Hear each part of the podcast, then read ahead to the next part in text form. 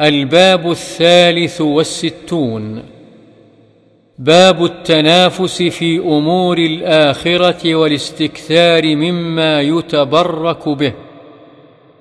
وعن سهل بن سعد رضي الله عنه أن رسول الله صلى الله عليه وسلم أتي بشراب فشرب منه وعن يمينه غلام.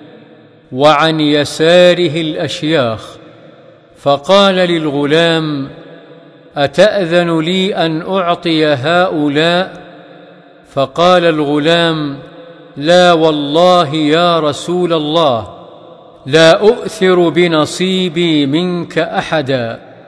فتله رسول الله صلى الله عليه وسلم في يده متفق عليه. تله بالتاء المثنات فوق أي وضعه وهذا الغلام هو ابن عباس رضي الله عنهم.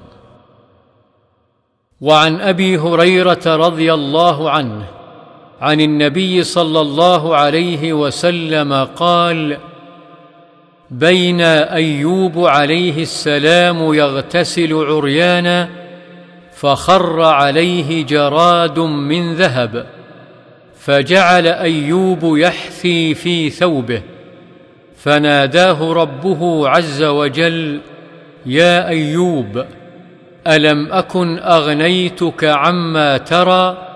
قال بلى وعزتك ولكن لا غنى بي عن بركتك. رواه البخاري.